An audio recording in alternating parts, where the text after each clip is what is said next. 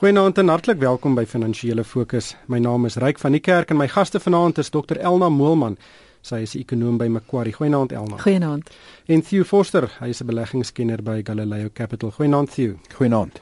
Ons staan aan die einde van die eerste kwartaal van die jaar en ek wil vanaand 'n bietjie stil staan oor hoe die verskillende bateklasse hoe ver gevaar het hierdie jaar. En op die meeste fronte was 2016 maar 'n wipwaandjie rit. Um, en dit was ook die geval by beleggingsmarkte, maar my Elna voor ons daarby kom, ons het hierdie week eh, 'n uh, inflasiekoers gesien van 7%.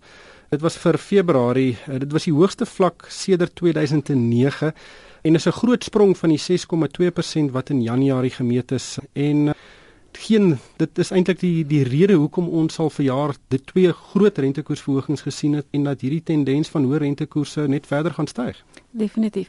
So ek dink 'n mens moet op twee maniere daarna kyk. In die eerste plek, ja, daar's twee breë temas onderliggend aan hierdie data. So ons sien nou toenemend druk van die wisselkoers wat swakker is en dit gaan nog toeneem vir die volgende paar maande. So tipies sien jy eers die maksimum impak na so 6 tot 9 maande. So eers in die derde kwartaal gaan ons regtig die volle impak van van wisselkoers swakte sien. Ons sien ook in hierdie data dat voedselinflasie redelik vinnig styg. So nou 8.8% jaar op jaar en ons dink gemiddeld vir die jaar gaan dit tussen 10 en 11% wees. So dit gaan definitief ook nog toeneem vir die res van die jaar. Maar hierdie 7% is spesifiek Februarie hierdie jaar in vergelyking met Februarie verlede jaar. As ons kyk na die Januarie syfer was dit 6.2 op hierdie stadium dink ons dat dit in Maart 6.5 gaan wees.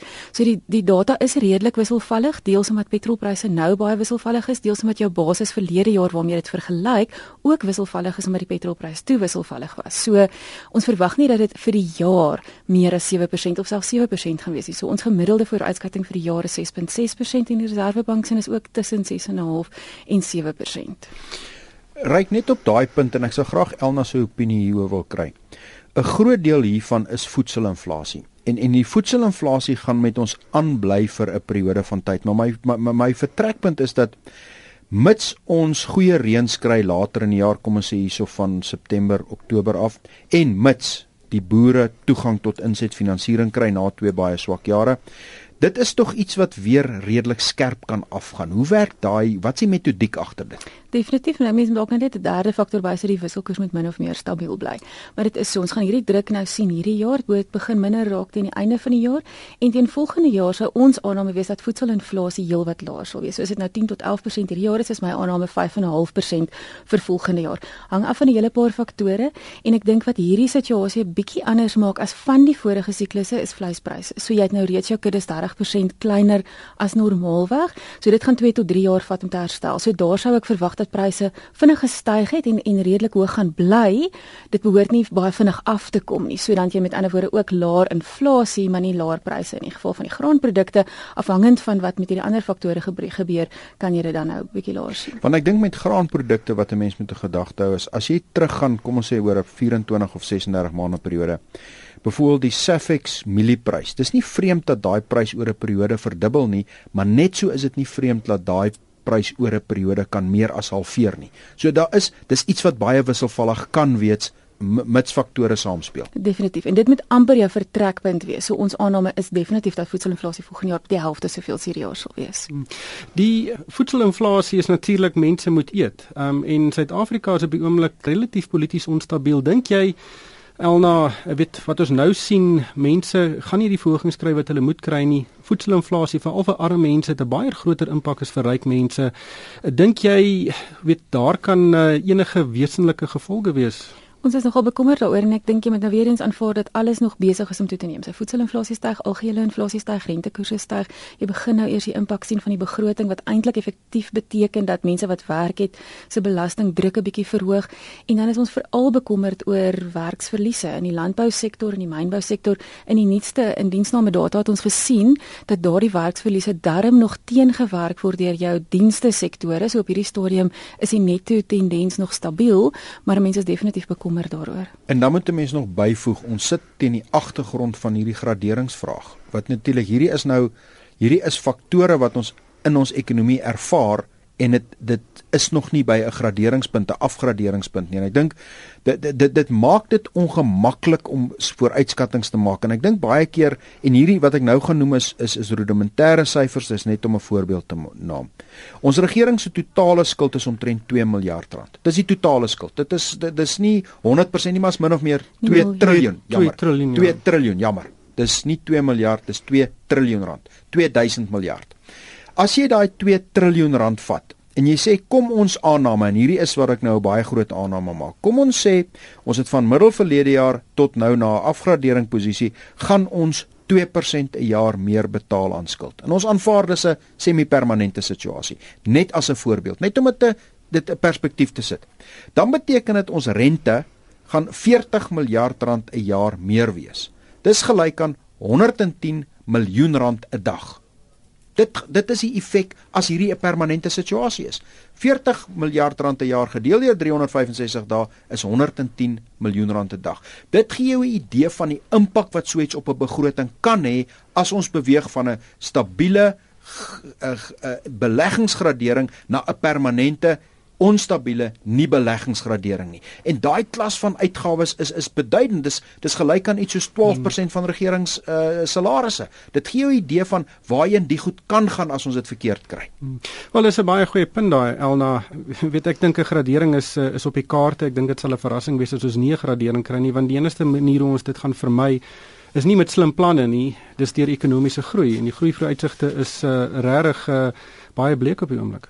Ja, so ek dink op hierdie stadium se kredietgraderingsagentskappe redelik gemaklik met die fiskale vooruitskattinge en die stappe wat daar geneem word. En ek dink dit is veral belangrik dat ons regtig die fundamentele probleme begin aanspreek. Hulle is dan nou wel bekommerd oor die ekonomiese groei situasie. Ek dink nie dis onmoontlik om iets daaraan te doen nie, maar hulle gaan definitief wag om konkrete stappe te sien.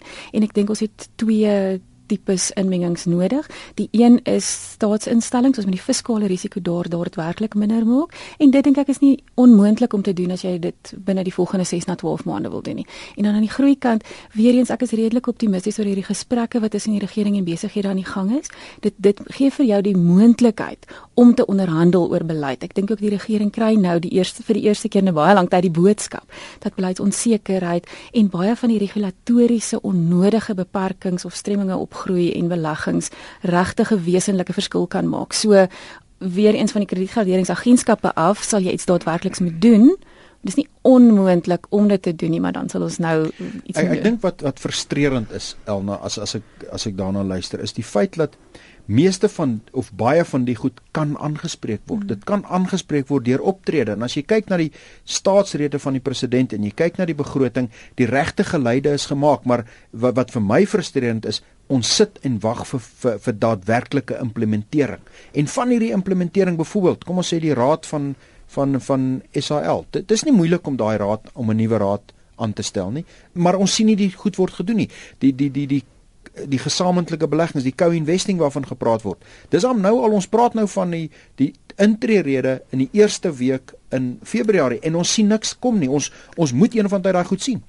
Wel, ek dink ook nie dit is uh, alles of niks tipe van benadering nie. Ek het hierdie week gepraat met een van die leiers of die direkteure van uh, die daai groot sonplaas naby De Aar en sy siening was wie die hulle interaksie met die regering was voorspelbaar en goed en en en hy het daai proses eintlik geloof en gesê dit is 'n 20 jaar projek is 'n klomp geld dis amper 5 miljard rand. En hulle is taamlik gelukkig met die manier hoe die regering hulle hanteer het. En dit is dit is so ek dink nie dis alle sektore wat daai probleme in die gesig staar nie. Kom ek sê jou daai daai deel binne tesorie wat daai projek gestruktureer het uitgevoer het en geïmplementeer het dis toevallig dieselfde afdeling waarna die waarna Tina Jumet Patterson gepraat het as die afdeling wat sy graag wil sien moet die kernkragprojek lei. En as jy met enige bankier praat, enige finansiering praat, daai projekte vir vir onder andere sonenergie en vir hernubare energie is op 'n basis gedoen wat almal het lof daarvoor. Daar's die marges is reg bestuur, die die kontrakte is reg toegeken. Almal het lof daarvoor wat betrokke was in daai proses en dis hoekom daar soveel kapitaal ingestoot is. Daar's miljarde der miljarde rande bewillig. So wanneer dit reg gedoen word en die struktuur word reg bestuur, dan kan dit gebeur en wat wat die goeie nuus is, dis juist daai daai afdeling wat betrokke gaan raak by by by kernkrag wat ek dink baie positief is. Die regering is definitief besig om te kyk na daardie model om te kyk waar kan hulle dit weer toepas want wat hulle hiervan hou is die private sektor was baie suksesvol geweest in terme van hierdie kapitaalinvestering, die tariewe ensovoorts, maar die regering voel nie dat hy beheer oorgegee het nie. So dis vir hulle 'n baie goeie balans en hulle is ongetwyfeld besig om te kyk waar kan hulle dit nog gebruik. Ek hoop daai projek brei brei uh, taamlik aggressief uit want dit is 'n baie goeie projek en dit het ook 'n baie groot positiewe impak op haar hele daar omgewing. Sien, ek wil net gesels oor bateklasse. Einde van die uh, derde kwartaal watter beleggers kan glimlag uh, en wat wat en watter beleggers moet 'n bietjie front? Kom ek sê vir jou ryk bitter min beleggers op hierdie stadium kan glimlag as jy kyk na die indekse. En nou vat ek Elna se vertrekpunt en sê kom ons aanvaar Die inflasiekoers is wisselvallig hierso rondom 6.5 en 7%. Kom ons sê dis min of meer wat jy moet kry sodat jy ten minste jou koopkrag in stand kan hou. En ons sê dit is waar jy trek. As jy kyk na die prestasie en ek vat hierdie 12 maande tot einde Februarie. Dit wil sê dis vir 'n volle jaar. Kontant het jou so 6.5% gegee. So kontant was rofweg inflasie, maar dit sluit nou nie belasting in nie. Dis 'n kontant wat jy in die bank het of in 'n geldmarkfonds. Ja, dit dit as as jy suiwer in kontant belê. Maar as jy nou gebeweeg het na waar ons pensioene sit en waar waar waar waar groeifondse sit en waar die gewone man se geld belê word vir sy aftrede. Die aandelemark op 'n totale opbrengsbasis en hier neem ek aan daar's geen kostes nie en jy het jou dividende herbelê was negatief. Dit was negatief 4.4% vir die 12 maande tot einde Februarie. Die kapitaalmark waar meeste van ons 'n beduidende deel van ons pensioen of ons aftreegeld het, was negatief 3.6% eienoomsmark negatief 2%. So basies die afgelope 12 maande kon beleggers nie net hulle het gesukkel om positief te gaan nie, maar gesukkel om inflasie te klop en dis uiteindelik jou doelwit. Maar dit volg nadat ons 'n uh, hele paar jaar gesien het van bo gemiddelde groei. Is dit nie maar die normale beleggingssiklus in baie van daai bateklasse nie? Jy's absoluut reg ryk. Ons het vir 5 of 10 of selfs 15 jaar het ons bo-gemiddelde groei gehad. Ons het groei gehad van per jaar van tussen 12 en 15% vir periodes van tyd. So, die punt is as jy daai groei kry vir langer periodes van tyd, beteken dit jy moet iewers terugbetaal. Dit wil sê jy het groei gekry wat jy die toekomse groei nou geniet het en jy moes terugbetaal. En hierdie is deel van daai terugbetaling. Nou wat hierdie terugbetaling gewoonlik beteken, bietjie meer wisselvalligheid, maar ook laer as gemiddelde groei vir langer periodes van tyd. En ons is in die middel daarvan. Nou ons is al 'n deel daarvan is uit die stelsel uit. So dit beteken van hierdie terugbetaling is besig om te geskied, maar ongelukkig as jy gaan kyk binne die sektore, dan is dit ongelooflik wisselvallig. As jy byvoorbeeld net in die hulpbronne sektor kyk, kyk, jy het byvoorbeeld aan die een kant het jy platinum wat gehalveer het oor die 12 maande periode, dan jy die goudsektor wat 50% op is oor die 12 maande periode en so kan jy gaan uitkies. En net om dit meer kompliserend te maak, as jy 4 of 5 aandele uithaal uit hierdie sektor uit, dan eintlik het die res van die sektor baie swak presteer. Ons kyk baie keer kyk mense na BATS, British American Tobacco, en sê kyk hoe goed presteer dit. Wel, as jy in Londen was, was dit negatief. In pond terme het dit negatief presteer. Dis net positief omdat die rand verswak het. So dit dit, dit wys vir jou die die relatiewe problematiek op die oomblik in markte. Elna, indien ons afgegradeer word later vanjaar, gaan dit 'n impak hê op rentekoerse en en opbrengskoerse op effekte Ten minste is dit daarom 'n bietjie van 'n 'n positiewe ding daar waarna baie weet afgetrede mense kan uitsien en dit gaan 'n positiewe impak op op daai beleggers hê.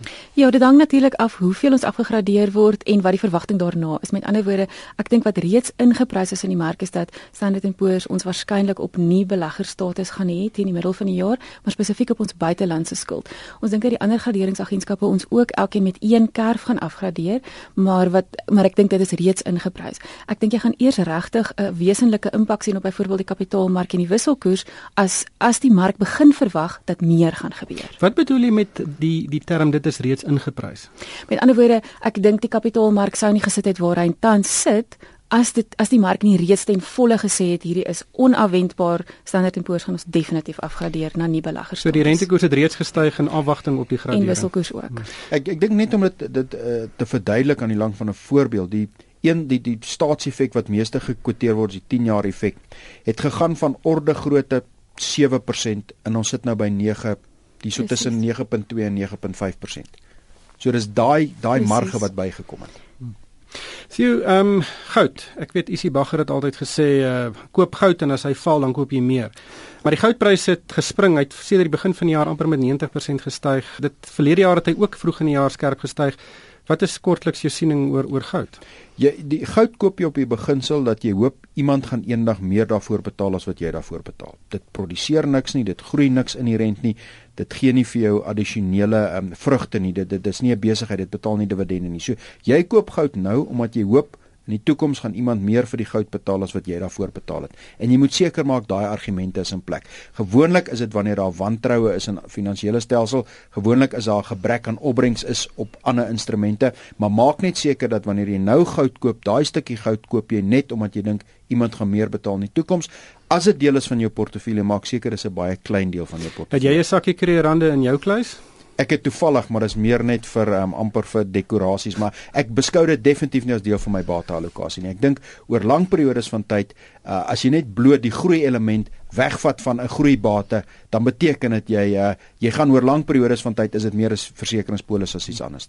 Net laastens Suid-Afrikaners is mal oor residensiële eiendom en ons uh, John Lewis het hierdie week ook 'n verslag bekend gemaak of navorsing bekend gemaak wat hy sê huispryse groei teen net so oor die 6%, maar mense se besteedbare inkomste styg met net meer as 4%. So huise raak duurder of meer onbekostigbaar vir baie verbruikers. Uh, hoe hoe hoe vertoon uh, residensiële eiendom? Ek dink ek dink die element is onthou oor lang periodes van tyd is residensiële eiendom baie siklies en ek dink ons is nou weer in 'n periode wat die reële groei is is nie regtig op die kaarte nie.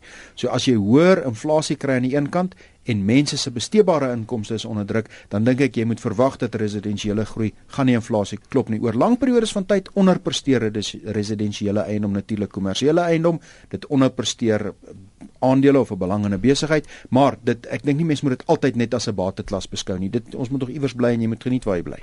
Genoteerde eiendom, dit was een van die grootste of die gewildste sektore verlede jaar baie goed gedoen vir jare sit 'n bietjie onder druk. Ja, dit het die afgelope 12 maande dit vir jou minus 2% gegee. Nou ek moet sê daai minus 2% kom na baie jare van beduidende hoë groei. So mens moet mens moet verwag dat jy gaan by tye laer groei kry, maar ja, dit was minus 2% die afgelope 12 maande. Ek dink 'n mens moet verwag dat dit gaan bietjie terugtrek veral as rentekoerse steeds opgaan want onthou die die die die die waardasie van van kommersiële eiendom is altyd 'n afgeleide van langtermyn rentekoerse. Hoër langtermyn rentekoerse kom, daai selfe effek moet jy gaan jy kry op op kommersiële eiendom en dis hoekom dit af is. Ongelukkig hierdie tyd ons ingehaal. Baie dankie aan Dr Elna Moelman van Macquarie en Theo Forster van Galileo Capital en van my ryk van die kerk. Dankie vir die saamluister en ek hoop almal het 'n winsgewende week.